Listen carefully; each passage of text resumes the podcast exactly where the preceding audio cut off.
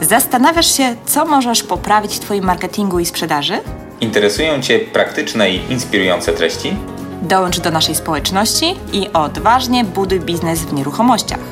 To jest podcast Marty I Łukasza.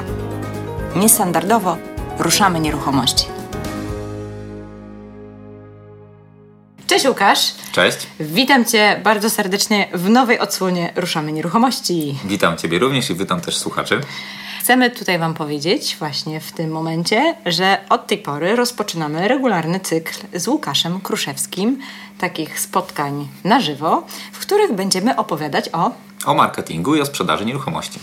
Oczywiście również o naszej branży, może też trochę o różnych newsach i nowinkach Jak najbardziej świata. o czymś, co jest ciekawe, czym warto się zainspirować, czego warto poczytać, co warto zobaczyć, czego warto posłuchać. Tak.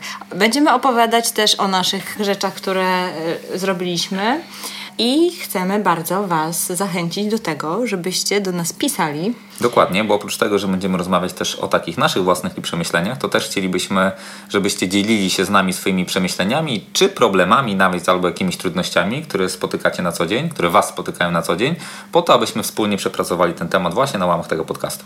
Dokładnie, bo zaczniemy oczywiście od nas, bo od czegoś trzeba zacząć. Więc zaczniemy od naszych spraw, naszych case'ów i naszych przemyśleń na temat branży. Ale zachęcamy, zachęcamy bardzo gorąco. Piszcie na blogu, piszcie maile, macie jakiś problem, wyzwanie lub po prostu jakiś temat Was interesuje, który byście chcieli, żebyśmy poruszyli tutaj z Łukaszem, to my bardzo, bardzo chętnie o tym poopowiadamy. Dokładnie, może jeszcze byś wspomniała skąd inspiracja, żeby nakręcić wspólny ten odcinek, czyli kwestie tak naprawdę podcastu Mała Wielka Firma. Tak, właściwie to może powinniśmy od tego zacząć, ale wy nie wiecie, ale my wiemy, że początki bywają trudne. W związku z czym nagraliśmy bardzo piękny wstęp, który się nie nagrał, bo się skończyła pamięć na karcie. I teraz już tak trochę z uśmiechem nagrywamy po raz drugi. Także po raz drugi opowiadamy dla Was po raz pierwszy, dla nas po raz drugi, że inspirujemy się właśnie e, innymi podcastami, które są prowadzone w formie e, dialogu między dwoma osobami. I tutaj o wspomnianej mojej wielkiej firmy, bo bardzo lubimy i pozdrawiamy Marka Jankowskiego I Pawła Tkaczyka. tak, bardzo się inspirujemy tym podcastem, lubimy ich swobodną rozmowę na temat marketingu i my trochę też tematy marketingu, więc stwierdziliśmy, że będziemy sobie też tak wspólnie dyskutować. Łukasz, jeszcze, jeszcze tak w ramach takiego wstępu, bo to jest taka zapowiedź e, nadchodzącego cyklu. Powiedz tak dla osób, które może nie miały okazji jeszcze trafić na Twojego bloga i nie wiedzą, kim jest Łukasz Kruszewski, autor bardzo poczytnej książki Marketing Nieruchomości. Być może te osoby jeszcze nie wiedzą, kim jesteś, więc powiedz, co porabiasz, co robisz w życiu. Dobrze, więc może ja zacznę od tego, że e, prowadzę bloga niestandardowo na temat nieruchomości, gdzie staram się e, mówić o rynku i o mieszkaniach, o domach, o nieruchomościach e, w dosyć nietypowy sposób, nadając im troszeczkę ludzki wymiar i taki charakter trochę refleksyjny. Na rynku działam od 2008 roku, najpierw jako agent, potem prowadziłem własne biuro. Miałam też styczność współpracować z agencjami z branży IT, gdzie mm, rozwijałem mm, współpracowałem, żeby rozwijać różne aplikacje, między innymi z zakresu finansów. No i tak naprawdę od 2013 roku A współpracuję różne tutaj. aplikacje to jakie? E, Wiesz co, takie dwie aplikacje rozwijałem w ramach e, funduszy unijnych. To jest aplikacja do zarządzania nieruchomościami i aplikacja do finansów i księgowości. Tak? No proszę. Tak. A od, kończąc od 2000... Ale działają nadal? Czy to, to, tak, czy, działają, tak, działają, działają, działają. Ta jedna z większym sukcesem nazywa się mieszkaniec.pl. To jest Mhm. aplikacja do zarządzania wspólnotami mieszkaniowymi online. Mhm. Ta druga w trochę mniejszym zakresie, ponieważ ona jest skoncentrowana na takich bardzo lokalnych klientach. No to super, super, no to fajne doświadczenie. Także moi drodzy, y, podsumowując, y, już planujemy z Łukaszem regularnie nagrywać, tak dwa razy w miesiącu. Dwa razy w miesiącu, żeby- co dwa tygodnie. Tak, co dwa tygodnie, żeby się e, ukazał jakiś odcinek. Oczywiście, jeżeli będziemy mieli jakiś poślizg, to Wybaczcie. To, w- wybaczcie, ale postaramy się, żeby to było e, regularnie, po to, żeby urozmaicić e, ten podcast właśnie w taki dialog wewnętrzny, nie tylko wywiady, bo ja nadal będę prowadzić wywiady e, z różnymi gośćmi, ale tutaj z Łukaszem będziemy sobie rozwalać różne tematy takie z zakresu naszej branży, pośrednictwa, ale nie tylko, bo myślę, że, że osoby, które po prostu samodzielnie chcą e, kupić, sprzedać bądź wynająć, to też znajdą dużo ciekawych wskazówek do tego, jak podejść do tematu, jak się w ogóle za to zabrać. Tak, ja jeszcze dodam do tego, że ta forma będzie, tak jak Marta wspomniała, co dwa tygodnie będziemy starać się puszczać taki odcinek. Raczej one powinny mieć w okolicach 30 minut, będą zaczynały się takim krótką refleksją naszą na temat jakichś ciekawych nowinek z branży albo rzeczy, które nas inspirują. Potem będzie część główna, na końcu podsumowanie i na pewno po każdym odcinku będziemy tworzyli pewnego rodzaju transkrypt z danego odcinka, szczególnie kiedy on będzie mocno merytoryczny, po to, żeby każdy, kto jest subskrybentem zarówno mojej listy, jak i Marty, mógł taką transkrypcję otrzymać po słuchanym podcaście. Zrobimy z tego bardzo fajny taki skrypt, żeby było łatwiej Wam wrócić do poszczególnych rzeczy, bo ja wiem z doświadczenia, że podcasty się słucha podczas robienia w innych. biegu. Tak, w biegu dosłownie, ale podczas robienia różnych innych e, czynności i nie zawsze jest czas na to, żeby sobie zapisać coś. My Wam ułatwimy życie i takie notatki dostarczymy. Dokładnie. Jest tylko wspomnę oczywiście osobom, które zapiszą się na nasze listy subskrypcyjne, do czego serdecznie zachęcamy. Za, serdecznie zakr- zachęcamy, to jest taki mały, drobny warunek, ale myślę, że dzięki temu też będziecie się dowiadywać regularnie o tych podcastach i dzięki temu również być może pojawią się od czasu do czasu jakieś surprise'y, niespodzianki. Dokładnie. Także, także zachęcamy. No to co? Koniec lecimy z tematem. Tyle, tyle tytułem, tytułem wstępu. Okiem Marty? i Łukasza. A dzisiaj, a dzisiaj mieliśmy rozmawiać na wstępie o nowinkach, więc zaczynamy. Pierwsza rzecz, jaka mi się trafiła, e, znaczy pierwsza, może nie pierwsza, to jest źle, źle powiedziane. Ostatnio trafiło mi się w oczy, rzucił mi się filmik Oscara, tak? Oskara? Oskar wrzucił filmik na temat Snapchatu, e, w którym to twierdzi, że Snapchat sprzedaje nieruchomości. Może uprościłam trochę, ale takie mniej więcej jest przesłanie. Tak jest przesłanie i teraz pytanie, czy jestem zgadzamy, albo jak, jak to skomentować, Tak. nie? Jak to skomentować? I co to w ogóle jest ten Snapchat? Co to jest ten Snapchat? Po pierwsze pozdrawiamy Oskara, po drugie yy, nie mogę chyba deklaratywnie powiedzieć, że Snapchat sprzedaje albo nie sprzedaje, bo to zależy jak z tego korzystamy, natomiast co do zasady to jest kanał, który pozwala nam dzielić się treściami, które e, trwają nie więcej bodajże niż 10 sekund i po obejrzeniu takiej treści nasz e, followers przestaje ją widzieć, tak? Czyli to są takie treści efemeryczne, krótkotrwałe. No i taka jest e, co do zasady istota tego, tego medium. Czy on sprzedaje? Powiem szczerze, że wolałbym odpowiedzieć, e, zadać pytanie inaczej. Czy Facebook sprzedaje? Uważam, a raczej wiem, że sprzedaje, więc osobiście wolałbym się skoncentrować na tym medium, a nie próbować gdzieś tam wchodzić w coś nowego, co jest niepotwierdzone i bardziej to traktuję jako chwilowa moda, czy, czy bardziej trend. Ja mam takie obiekcje co do wieku tych e, odbiorców Snapchata, bo mi się kojarzy, że to jest raczej jakieś takie e, młodzieżowe medium. Moi klien- 5-6-latki korzystają z tej aplikacji, to wszystko. No można oczywiście perspektywicznie patrzeć na życie i sobie budować na przyszłość markę, ale nie wiem, czy, czy jak te 5-6-latki dożyją wieku takiego zakupowego, Tak. jeżeli chodzi o mieszkania, to, to, to czy, czy będą jeszcze pamiętać. Nie, tak sobie trochę żartujemy, ale mm, fakt jest faktem, że ja mam takie doświadczenie, że najciekawsi klienci to są jednak tacy 35+. Plus. E, więc nie wiem na ile jest to jeszcze takie... Mm, Znaczy ja wiem na pewno, że to co mógłbym... ja mam 35+, plus, przyznaję się oficjalnie. No właśnie. I nie używam Snapchata, więc do mnie by ten kanał nie dotarł. Nie, tak krótko podsumowując, czy warto z niego korzystać, czy nie, ja uważam, że jeżeli do tej pory nie korzystasz aktywnie z Facebooka, to lepiej wolałbym się na tym skoncentrować, bo uważam, że on ma zdecydowanie większe możliwości, więc jest po prostu to bardziej racjonalne. Może jakieś nagramy odcinek o Facebooku. Myślę, że zdecydowanie, nawet wiem kogo zaprosić. O, super. Świetnie. No tak, jesteśmy przy Facebooku. Co myślisz o panoramkach 360? Bo to taka nowinka na Facebooku. Nowinka, myślę, że jak najbardziej wpisująca się w taką kulturę obrazkową. Ja jeszcze osobiście z tego nie korzystałem, ale może to jest dobry pomysł na to, żeby zacząć wykorzystywać tą, tą, to, to narzędzie. No, myślę, że tym bardziej, że mamy coraz lepsze telefony i taką panoramkę naprawdę można telefonem szybko strzelić, nie? Ja sobie wyobrażam, a jestem, robię zdjęcia w jakiejś tam nieruchomości, pak, pak, pak, na Face'a, nie? Na przykład. No, czy myślę, że jeszcze my dobrze nie ostukaliśmy się z tym live streamingiem na Facebooku, a to też może być ciekawa opcja. Na przykład podczas dni otwartych, tak? Przychodzą klienci i od razu prezentujemy szerszemu gronu klientów mieszkanie. To może być coś ciekawego, nie? No, może to być ciekawe. Także czekamy. Jeszcze, Kto pierwszy? Kto pierwszy coś takiego zrobi, Tak. to piszcie. Robiąc Chętnie, dni otwarte, zrobi live streaming z dni otwartych. chętnie się, że tak powiem, opodzielimy tym tak bardziej publicznie, Dokładnie. prawda? Okej, to co? Przechodzimy do naszego głównego tematu, a temat jest dzisiaj bardzo, bardzo poważny i brzmi home branding. Co to jest, Łukasz? To jest pewna koncepcja pozwalająca lepiej rozumieć sprzedaż nieruchomości dzięki temu, że koncentrujemy swoją uwagę na tym, aby stworzyć pewnego rodzaju wartość naszego przedmiotu sprzedaży. Tak w dużym skrócie, jakimś definicyjnym może nawet. Głównie chodzi o to, żeby myśleć o nieruchomościach, o mieszkaniach, o domach nie w takich kategoriach czysto sprzedażowych, takich suchych, ociosanych z czegokolwiek, tylko żeby nadać temu mieszkaniu pewnego rodzaju wartość emocjonalną, znaleźć to, co go wyróżnia i to próbować sprzedawać i komunikować klientom. Czyli rozumiem, że opisy dwa pokoje, kuchnia, łazienka raczej to nie, to nie jest No, to jest jakaś uproszczona. Znaczy, tutaj powiem, że tak naprawdę wszystko, co możemy robić, sprzedając, jest pewnego rodzaju brandingiem, bo my na, nadajemy jakąś wartość temu, Mhm. ale można nadać wartość lepszą i gorszą. I chyba nawet na rynku jest taki trend, aby jak najlepiej prezentować nasze produkty. Jest taki trend, ale chyba jednak ciągle w mniejszości jeszcze. Ale nie wiem, może się mylę, może się mylę. E, jasne.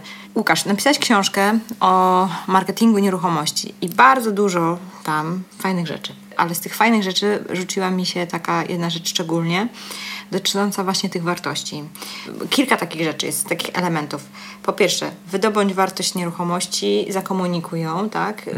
Dla kogo i tak dalej. Po drugie, znajdź powód, dla którego ktoś chce sprzedać, taki ten prawdziwy, głęboki, wewnętrzny, co stoi za tym i tak dalej, i tak dalej. I mi się to tak kojarzy prawie, że to ociera się o taką prawie, że psychologię, bo po pierwsze muszę sobie wyobrazić tego klienta, który kupi tą nieruchomość, kim on jest, co on w ogóle będzie robił, tak?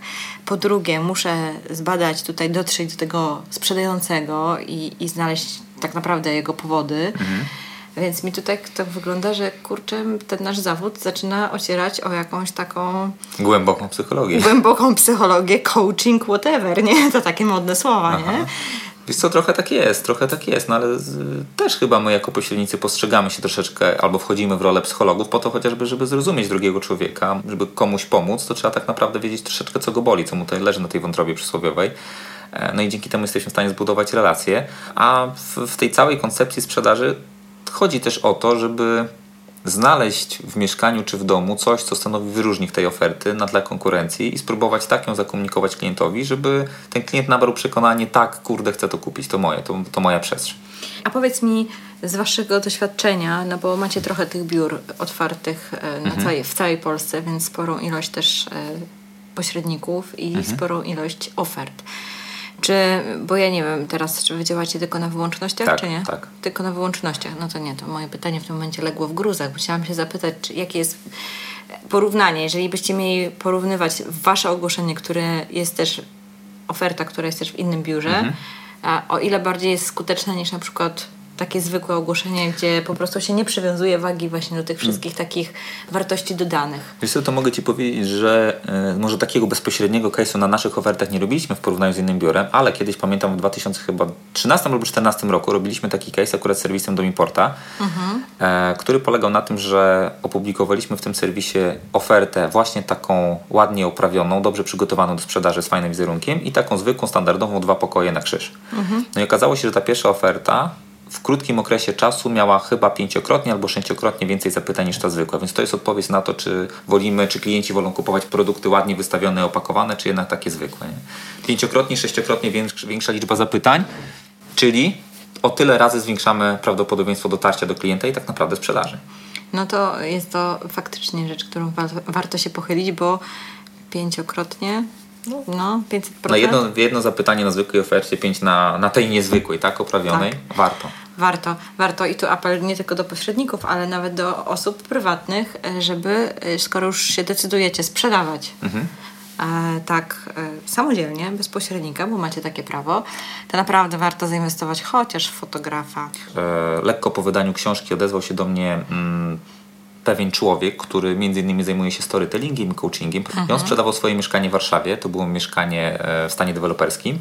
E, I też odezwał się po to, żebyśmy porozmawiali sobie, co ewentualnie mógłbym, mógłbym doradzić, albo co moglibyśmy zmienić w tym ogłoszeniu, żeby jednak ono przyciągnęło większą liczbę klientów. I zastosowaliśmy kilka bardzo prostych e, rzeczy dotyczących z jednej strony zdjęć, z drugiej strony opisu. I to spowodowało, że na przestrzeni dwóch tygodni jakby podwoiła mu się liczba klientów i tak naprawdę sprzedał to mieszkanie, a bardzo zależało mu na czasie, bo tak jak mówię, to było mieszkanie z Super. roku A możesz powiedzieć, jakie to były zmiany? E, co, to głównie dotyczyło opisu, e, lepszego wypoklenia cech tego mieszkania, dobrego e, zakomunikowania, kiedy można oglądać to mieszkanie, w jakich godzinach, co wyróżnia to mieszkanie. Mocno został poprawiony opis w kierunku pokazania otoczenia, no i też e, zdjęcia zostały zrobione profesjonalnie, plus e, porozmawialiśmy troszeczkę o tym, gdzie promować te oferty i z których form promocji najlepiej skorzystać, jak wyróżniać. Więc to spowodowało, że szybsza No, właśnie, bo ja często się spotykam z takim stwierdzeniem, a bez sensu, po co ten opis taki jakiś długi i w ogóle, Mhm. że ludzie nie czytają. I Jest to prawda, bo ludzie co zasady nie czytają. Ja to sam obserwuję na swoim blogu, prawda? Jak, jak, jak artykuły, jak, jaką mają poczytność i jak trudno tak naprawdę wywalczyć uwagę tego czytelnika. Natomiast ja zawsze też powtarzam, jak gdzieś tam prowadzę szkolenia, że opisy są dla tych, którzy właśnie czytają. Więc nawet jeżeli na 10 osób jedna przeczyta, to ja dla nich właśnie tworzę opis, bo dzięki temu jestem w stanie lepiej do niej dotrzeć. Raz, opis buduje przekonanie, że ta oferta jest sprawdzona, no bo buduje wiarygodność tak naprawdę tej oferty. Dwa, jesteśmy w stanie czymś zaciekawić i też pokazać siebie jako pośrednika mającego ciekawe podejście do pracy i coś do zaproponowania. No bo mi się zdarzyło już parę razy w mojej pracy, że klienci mi powiedzieli, e, Pani Marto, Pani tak super to No. opisała, że po prostu już mieliśmy nic nie oglądać, ale musieliśmy przyjechać. Nie? No właśnie, ja też takie rzeczy się zdarzały i to jest piękne, nie? I to jest super. Ja, ja mam takie odczucie, że faktycznie no, dzisiaj wszystko szybko i teoretycznie nie działa, ale z drugiej strony po różnego rodzaju szkoleniach marketingowych, jakie przeszłam, to wszyscy jak jeden mąż mówią, im dłuższa oferta, tym lepsza. Znaczy może inaczej, nie przekłada się to może na długość, e, że tak powiem, mm, na ilość, że musi mieć tyle stron, czy tyle znaków i tak dalej, tylko chodzi o jakość tej oferty, tak? Im więcej po prostu szczegółów, danych, e, historii, jakichś potwierdzeń, rekomendacji, innego wszystkich rzeczy tam pozamieszczamy w tej ofercie, obojętnie jaki produkt sprzedajemy, tak? A mieszkanie jest Jak też produktem, tak? Jest, jest takim samym produktem jak telefon czy samochód na sprzedaż, tak? Więc e, im więcej tych szczegółów zamieścimy w tej ofercie, tym po prostu ona będzie skuteczniejsza, nie? Tak, no bo to najważniejsze.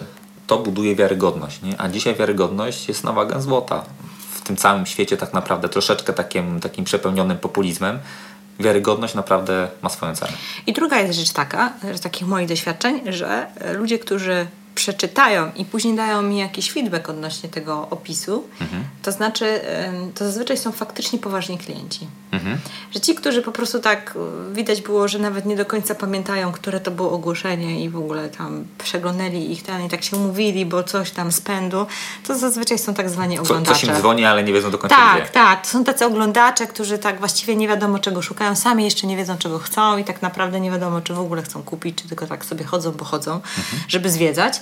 A, a osoby, które przychodzą takie naprawdę zainteresowane, oczywiście nie znaczy to, że kupią, ale widać, że faktycznie czegoś szukają, tak? I, i, i No mają już tą mają decyzję, tak. pogłębione potrzeby Tak, i to oni świadomość. zazwyczaj dosyć w szczegółach czasami mnie pytają, że czasami sama nie pamiętam, że tam takie rzeczy napisałam. także, także jest coś w tym, nie? Jak ktoś jest zainteresowany, to czyta. Dokładnie. No dobra, to tak zeszliśmy sobie na ogłoszenia, ale powiedz mi, mm, piszesz o tych unikalnych wartościach. Co może być taką unikalną wartością takiej nieruchomości? Mhm. Jak z swojego doświadczenia? Jakie to są, bo pewnie są pewne stałe punkty, które można właśnie tak podkreślić i uznać za tą unikalną Tak, wartość. wiesz co, no z jednej strony to są te takie rzeczy fizyczne, obecne w samej nieruchomości, na które też w pierwszej kolejności zwracamy uwagę, tak? Bo jak wchodzimy do mieszkania, to na początku też widzimy, co nam się podoba, co jest wyróżnikiem tej oferty, tak? Teraz jesteśmy w, w mieszkaniu, akurat twoim, ja też tutaj widzę, kurczę, bardzo ciekawy rozkład, tak? To przede wszystkim funkcjonalne, rozkładowe mieszkanie, jest przestrzeń, E, Więc to są też takie rzeczy fizyczne, które są obecne, czy to kominek, czy fajny balkon, czy jakieś patio, czy widok na, e, na jezioro, na ocean chciałem powiedzieć, jesteśmy nad morzem, E, już się rozpędziłem. Także to są te takie elementy obecne, plus coś, co może stanowić jakąś wartość emocjonalną dla klienta, że na przykład to jest mieszkanie jedyne w tym budynku, albo jedyne na takim osiedlu, albo jedyne z takim widokiem, prawda? Albo budujące dzięki swojej aranżacji pewne przekonanie luksusu, prestiżu i tak dalej. Więc to są te rzeczy, które spokojnie można komunikować i wokół których można budować ten wizerunek. Jasne. A czy jesteś zwolennikiem budowania emocji e, w ogłoszeniu? Myślę, że to zdecydowanie, tak, tak, że to jest ten element, który e, no, powoduje, że chcemy, nie? że chcemy po prostu coś kupić, sięgnąć po produkt. Ale powiem Ci szczerze, że to jest takie trochę już mm, bardzo taka jest śliska granica, nie? żeby nie przegiąć. Ja tak zauważyłam, że czasami jest tak, e, ja tak mam, mhm. e, że że czasami nie mam w ogóle żadnego problemu, żeby stworzyć taki opis, który bardzo działa na, na, na, emocje, a czasami mam z tym problem, nie? I wtedy w ogóle, wtedy wychodzę w ogóle z kanału, bo wie, wiem, że po prostu tworzę na siłę i to w ogóle jest beznadziejny chłam. I czasami czytam ogłoszenia, gdzie tak widzę, że ktoś zasięgnął jakiejś wiedzy na temat mhm. copywritingu i próbuje tam wstawić jakieś takie, wiesz, mhm. smaczki fajne, ale to tak się jakoś nie klei. Dlaczego? To jest takie bo, widzisz, bo tam sztuczne, nie ma nie? Jest sztuczne, nie? nie ma no. autentyzmu, więc tutaj też jest ważny ten autentyzm, też żeby nie, nie przeginać, tak? To, co jest w naszej mocy, to zrobić, to, co już nam sprawia trudność, to znaczy, że jest nieautentyczne, więc druga Dokładnie. strona też to wykryje. Nie ma sensu takiego działania podejmować. Dokładnie tak. Także generalnie zasada złotego środka. Po prostu. Moja ulubiona. Dostosowania w życiu. w ogłoszeniach również. Dobra, bo tak wspomniałam już o tej książce, jeszcze tak sobie do niej wróćmy. E, Łukasz, powiedz mi, do kogo w ogóle ją skierowałeś? Kto powinien ją przeczytać? Wiesz co, myślę, że każdy, kto chce sprzedać sprawnie i szybko swoją nieruchomość, szczególnie dom i mieszkanie. Na pewno ona jest bardziej skierowana do pośredników z racji e, pewnego takiego ujęcia teoretycznego i praktycznego. I mhm. uważam, że jeżeli ktoś będzie chciał poprawić coś w swoim marketingu ofert, w swoim biznesie, to naprawdę tutaj jest w stanie wyciągnąć z tego kilka fajnych, gotowych narzędzi, tak powiem otwarcie, które można, może, może przekuć swoje działanie, więc to głównie jakby do tych osób jest skierowane. Tak, bo tutaj są i konkretne plany, strategie marketingowe, mhm. jak można je budować. W ogóle zresztą bardzo ciekawie to opisujesz, ale też parę takich fajnych rzeczy związanych e, z mm, takim właśnie fajnym podejściem do nieruchomości. To jest, ja to dziś już na Facebooku opublikowałam, ale muszę się o to, o to zapytać, bo napisałeś, że nieruchomości mają są, duszę. Nie, są wyrazem, ży- nie, świadectwem życia. To tak Aha. tak było. O, nieruchomości wyrażają życie i są jego świadectwem. Naprawdę tak myślisz? No tak, no słuchaj, jesteśmy teraz w mieszkaniu, które jest urządzone według Twojego stylu, które niesie ze sobą Twoją historię, niesie jakieś doświadczenia, pozytywne i negatywne wspomnienia. No i tak naprawdę ono jest świadectwem Twojego życia w mniejszym bądź większym zakresie. Więc jeżeli też jesteśmy w stanie tak nawet rozmawiać z naszym klientem, jesteśmy wygrani. Dokładnie. Ja, ja wiem, że może tak dodam, to brzmi tak trochę fantastycznie, jakaś metafizyka. Już widzę niektórych pośredników, którzy sobie mówią, Boże, co za hochsztaplerka i tak dalej. Ale to wszystko kwestia podejścia, prawda? Albo możemy korzystać z tego, co mamy dostępne i próbować to przekuć na swoje rozwiązania, albo po prostu patrzeć na to z dystansem, z jakimś uśmiechem. Ja zawsze mówię, że nieruchomości to coś więcej niż mury, bo to są przede wszystkim historie ludzkie. O, dokładnie. No. Tam się różne losy i różne rzeczy dzieją i za to też między innymi lubię nieruchomości, bo one są takie właśnie, że zawsze tam coś kryją, nie? Te mury coś widziały, słyszały. Mhm i tak fajnie tam czasami pownikać. No nie? i właśnie, podczas sprzedaży warto to wykorzystać. No. Ten cały storytelling. Ale czasami, miałam raz taką sytuację, to było bardzo zabawne. Sprzedawałam mieszkanie, no i ten kupujący pyta się, co zostaje w mieszkaniu, mhm. jakie meble, no wiadomo, no takie tam standardowe ustalenia i tak dalej, nie? I tam wchodzą do sypialni i tam pyta się, czy łóżko zostaje, nie? A sprzedający tak staje, panie, trójkę moich dzieci na nim spędziłem w życiu. Pamiątka rodzinna, nie? więc, więc a propos historii, więc różne są no historie. Tak. No, że łóżka nie zostawił. To odważne pytanie kupującego z drugiej strony, nie? No tak. No, a kupujący był taki typowy na wynajem kupował, więc tam pewnie każdy mebel mu by się przydał. No tak. Więc o łóżko zapytał, nie? Także mają swoje historie niewątpliwie, są świadectwem naszego życia i warto to podkreślać. E, Łukasz, mówisz dużo o tym home, home brandingu, jeszcze trzeba się nauczyć to wymawiać. Tak. I marketingu nieruchomości, ale tak powiedz realnie, nie? jak to wcielić w życie, co zrobić, jakie, jak, to, jak to się ma do całego procesu sprzedaży, w mhm. którym momencie, że tak powiem, to się przejawia, kiedy musimy zrobić na to nacisk, kiedy, kiedy jest to mniej istotne. Mhm. Takie, wiesz, yy, pigułka, pigułka podsumowująca. Podsumowanie takie, yy, tak. Wiesz co, to też można oczywiście podzielić na różnego rodzaju etapy, które wchodzą w ramach strategii sprzedaży, nie? które zawsze zaczyna się od analizy potrzeb klienta, potem od szacowania ceny nieruchomości, od stworzenia już samego wizerunku oferty i zaprezentowaniu jej, jeżeli chodzi o homestaging, o sesję fotograficzną, o oferty, opisy, przepraszam, następnie wypromowaniu na poszczególne portale i też wdrożeniu takiej zasady, żeby, ja tu w książce nazywam sobie koncepcję 3K, czyli tak naprawdę takiego systematycznego działania na ofercie, tak, że mamy, mamy komunikację, mamy kontrolę i korektę. Komunikacja jako ciągła, systematyczna komunikacja z naszym klientem, który musi wiedzieć, w którym etapie jesteśmy, jeżeli chodzi o sprzedaż. Korekta, czyli podejmowanie określonych działań związanych z tym, że coś, coś trzeba poprawić. No i tak naprawdę też taka kontrola, ciągły monitoring, co się dzieje z tą ofertą, jaką mamy informacje zwrotne od klientów, od rynku. I to, to nie jest tak, że jesteśmy w stanie wdrożyć. Yy, jakby ten home branding jako coś takiego, bym powiedział, namacalnego. To jest cały proces, który zaczyna się od tego, że my w ogóle myślimy o naszej ofercie jako o produkcie, który ma przyciągać uwagę naszych klientów. Sprzedaż konkretnej nieruchomości jako taki osobny projekt. Trochę tak, trochę, firmowy, trochę nie? dokładnie taki, tak. którym trzeba w odpowiedni sposób zarządzić. nie? Tak, dokładnie tak. Pozyskuje to agent. Agent teraz zaczyna współpracować z fotografem bądź z homestagerem, do, robi analizę tej oferty, wystawia, potem robi prezentację, ta oferta Mhm. idzie do kogoś, kto finalizuje i tak dalej. Więc to jest dokładnie taki projekt. Nie? Może na mniejszą skalę, ale dokładnie taki projekt związany ze sprzedażą danej oferty. Czyli teraz mi się ciśnie coś takiego na, na, do głowy, Mhm. że w sumie agencja nieruchomości to jest taki konglomerat różnych projektów.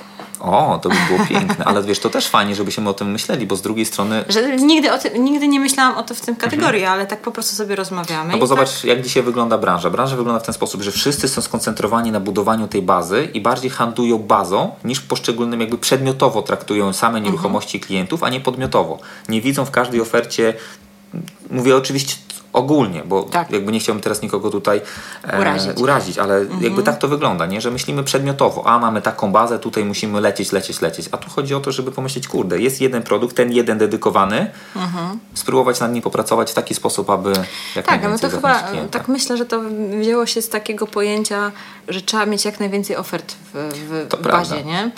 Że nieważne jakie, ale po prostu trzeba mieć po prostu wszystko. Ale wszystko, co jest na rynku, to żeby było u mnie. E, I to chyba no, siłą rzeczy nie da się tak indywidualnie podejść do każdej nieruchomości, jeżeli masz ich tam ileś tam set, tutaj, nie? tutaj wtedy to jest taka strategia, którą też trzeba przyjąć. Ona ma swoje plusy i minusy, bo z drugiej strony, po co agencje koncentrują się na dużej budowie ofert? Po to, żeby robić ruch na tych ofertach i mieć dostęp do jak największej bazy klientów. Jeżeli my mamy małą bazę ofert, no to żeby napędzić ten ruch, musimy wtedy więcej wysiłku i budżetu włożyć w promocję. I to są zawsze te takie mechanizmy, które powodują, że no, coś, coś za coś, nie? Mhm. Więc no, duża baza powoduje jest skoncentrowana na pozyskaniu dużego ruchu i, i, i zapytań. Mała baza, no to już duże nastawienie na promocję ofert. Tak, a poza tym jest też, też kwestia taka, że prawo statystyki, że tak powiem, działa, tak? Więc przy dużej bazie. Poza tym te oferty tam... same siebie napędzają, nie? Jedna drugą napędza. Nawet jak już zejdzie z tego rynku, bo jest nieaktualna, no to te oferty jednak same Tak. siebie napędzają. Tak, no to jest e, standardowe, nie? No, ja nie jedno mieszkanie sprzedałam klientom, którzy w ogóle przyszli na zupełnie inną ofertę, także to tak to działa. Natomiast faktycznie, ale z drugiej strony jest strasznie trudno wprowadzić taki home branding przy takiej strategii. Jeżeli mamy biura, które się nastawia na strategię, ja to nazwę masową, Tak, to zdecydowanie. to, to tak naprawdę wprowadzenie tego do, do, do, do, do funkcjonowania strasznie ciężka sprawa. Uważam, że to jest po pierwsze to jest ciężka sprawa, bo to jest baza na pewno Nawet sama ta, kon- ta twoja koncepcja 3K, tak? Jest trudna do, do zrobienia, bo komunikowanie się z, klient, z taką ilością klientów w sposób regularny i ciągły, no po prostu graniczy z cudem. Dokładnie. Dlatego uważam, że mniejsze agencje czy pojedyncze osoby łatwiej tak naprawdę, znaczy już każdy tak naprawdę z nas pracuje e, w systemie, który pozwala nam tą ofertą opiekować się w sposób indywidualny. Nie? Tutaj tak chodzi też o to, żeby jeszcze położyć większy nacisk na ten wizerunek, że to jest ten element przyciągający i mieć świadomość, czemu on służy, że to nie jest jakaś wyświechtane, wyświechtane hasło, tylko realne działanie, które ma wpływ na to, co otrzymujemy finalnie. No, dokładnie. Dokładnie tak. Ja ze swojego doświadczenia, bo mam i takie, i takie doświadczenie, bo teraz prowadzę własną małą, taką niezależną agencję, gdzie działam zawsze na kilku, kilkunastu ofertach, ale też pracowałam w firmie, gdzie pewnie miałam w momencie z 300 ofert na sobie, pod sobą. No to jest to nie do ogarnięcia, nie? Jest to po prostu niemożliwe. I nawet a sama aktualizacja jest trudna. Tych Czy wiesz, ja bym tu jeszcze dodał jeden aspekt takiej odpowiedzialności, bo Mhm. my trochę myślimy właśnie, o zobacz, bazowaliśmy na ofertach i tak dalej. Za tymi ofertami ktoś stoi, indywidualne doświadczenia każdej osoby i teraz to szkoda jest, że nasza branża, no niestety, nie wykształciła w sobie takiego elementu odpowiedzialności za to, co biorę, no bo jeżeli, ja sam niestety pamiętam, że zaczynałem koncentrując się na tym, że mieć 100-120 ofert, bo tak zostałem nauczony na początku. Mhm. Dopiero w momencie pracy po trzech miesiącach zobaczyłem, halo, kurde, to nie tędy droga, ja w ogóle Tak. nawet tych ludzi nie kojarzę, no to co, jak ja w ogóle mogę traktować, nie? Tak. Więc tutaj nie ma tego elementu odpowiedzialności. Jestem w stanie pracować na 15-20 ofertach i to wszystko, tak, żeby realnie komuś coś, za coś odpowiadać po prostu, nie? No i wziąć, wziąć na siebie.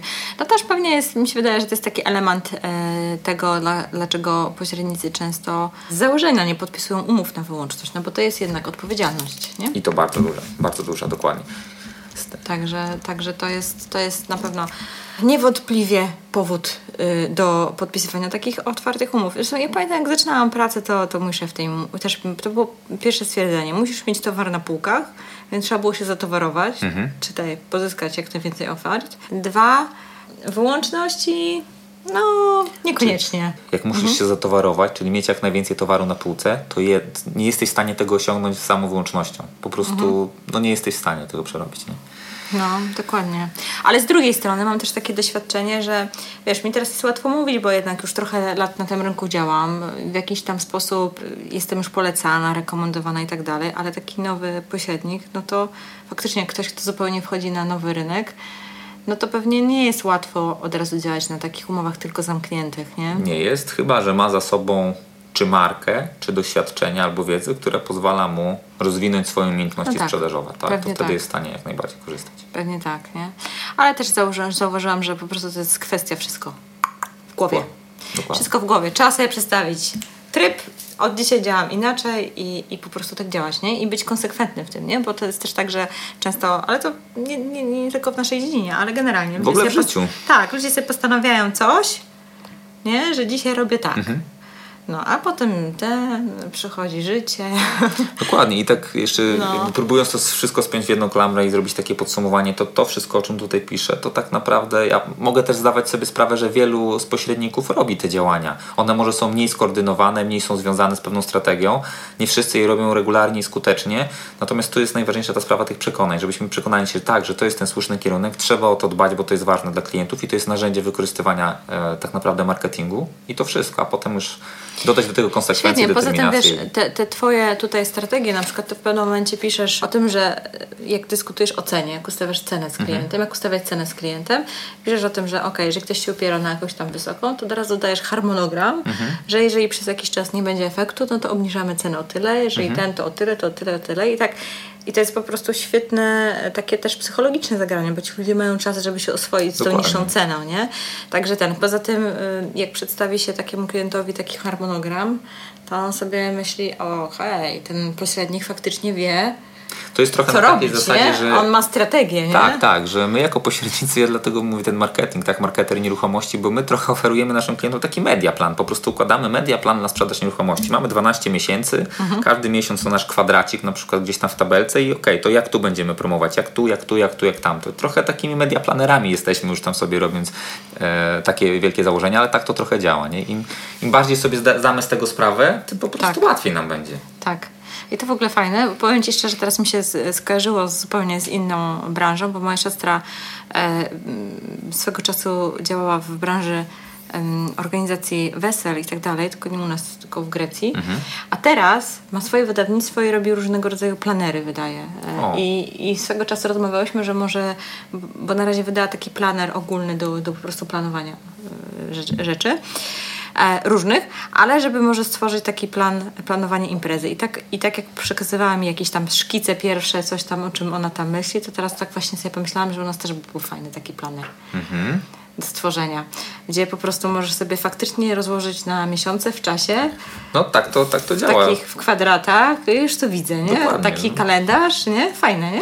No powiem Ci, że dokładnie tak, jak, jak prowadzę nawet szkolenie z marketingu ofert, to też sobie staramy się stworzyć pewnego rodzaju taki plan, tak? Zastanowić się, dobrze, mam ofertę na 12 miesięcy, mam na przykład budżet na promocję w wysokości 800 zł na te 12 miesięcy, no to jak teraz ten budżet spożytkować, w którym miesiącu zintensyfikować te działania promocyjne i z jakiego portalu, w którym nie. Tak to trochę wygląda. Ja wiem, że pośrednicy nie myślą, sam tak nie myślałem przez x czasu, tak. ale jak to sprowadzić do takiego projektu, bo to jest projekt, to jest tak? Podpisuję projekt, umowę no? na określone prowizje, na końcu coś zarobię. Pytanie, ile mi z tego zysku zostanie, no to ja muszę tak naprawdę odliczyć od tego koszty swoje i tak dalej, i tak dalej. I teraz zaplanowanie tego z góry powoduje to, że ja zaczynam myśleć o biznesie moim, a nie działam troszeczkę na tak. zasadzie uda się czy nie uda, nie? I faktycznie to wtedy nabiera takiego kształtu, nie? Tak. E, jakiegoś fajnego. Właśnie można to w Trello przetestować na początek. O, jak najbardziej. A ja muszę poprosić moją siostrę, może mi stworzy taki zarys. Taki ten. Tylko ja bym musiała mieć taką dużą kartkę. Aha.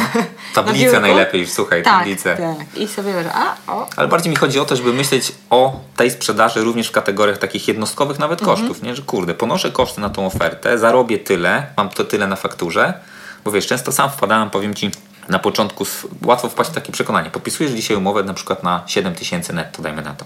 Sprzedajesz ją po 10 miesiącach, cieszysz się, bo wystawiasz fakturę na 7 tysięcy i idziesz do przodu. A nie liczysz ile Ale nie liczysz tego, nie? Tak. A, a to, to spowoduje, że może nawet dołożyłeś do tego 1000 złotych, tak. prawda? Tak. I, Powiem Ci, że też mam to, nie? Bo jeszcze mam taką tendencję do perfekcjonizmu, więc lubię mieć tak, wiesz, ładnie wszystko przygotowane, to wszystko mhm. kosztuje, nie? No właśnie. No, także, no... I nie liczy się tego, nie? Tak, miałam też takie wtopy, ale to, wiesz, to jest element, że tak powiem, e, nauki. Dokładnie, budowania. Ja, ja zawsze uważam, że, że po prostu, e, jak ktoś mi mówi, że szkoła jest droga, to się mhm. śmieje, nie? Doświadczenie jest drogie. Doświadczenie jest bardzo drogie, tak? Zwłaszcza w biznesie i zwłaszcza jak się operuje na swoich pieniądzach. Mhm. Bo jak Dokładnie. się jest pracownikiem w czyjejś firmie, no to tak aż bardzo nie boli, nie? Ale e, może kiedyś porozmawiamy o naszych różnych doświadczeniach. Tak, Bo parę ich miałam, także taka wiedza jest naprawdę mega, mega droga, ale fajnie ją później się wykorzystuje i to jest taka puenta na dziś. Łukasz, to co? Myślę, że za dwa tygodnie kolejny temat. Mhm. Wiemy już o czym będziemy rozmawiać? Wiesz co, ja nawet sobie zapisałem, powiem Tobie szczerze, coś takiego, że ciekawie, gdybyśmy porozmawiali o stereotypach branży nieruchomości, na przykład sobie e, zapisałem coś takiego, albo w ogóle o tym, jak promować oferty. Może zrobimy e, jakąś ankietę. O, też może być, też może być. I który temat najpierw? Mhm który temat najpierw. Dobra, za dwa tygodnie będziemy mieli kolejny odcinek, na który bardzo serdecznie zapraszamy. A mówili do Was Marta Parzyska-Golik i, i Łukasz Kruszewski. Super, dzięki.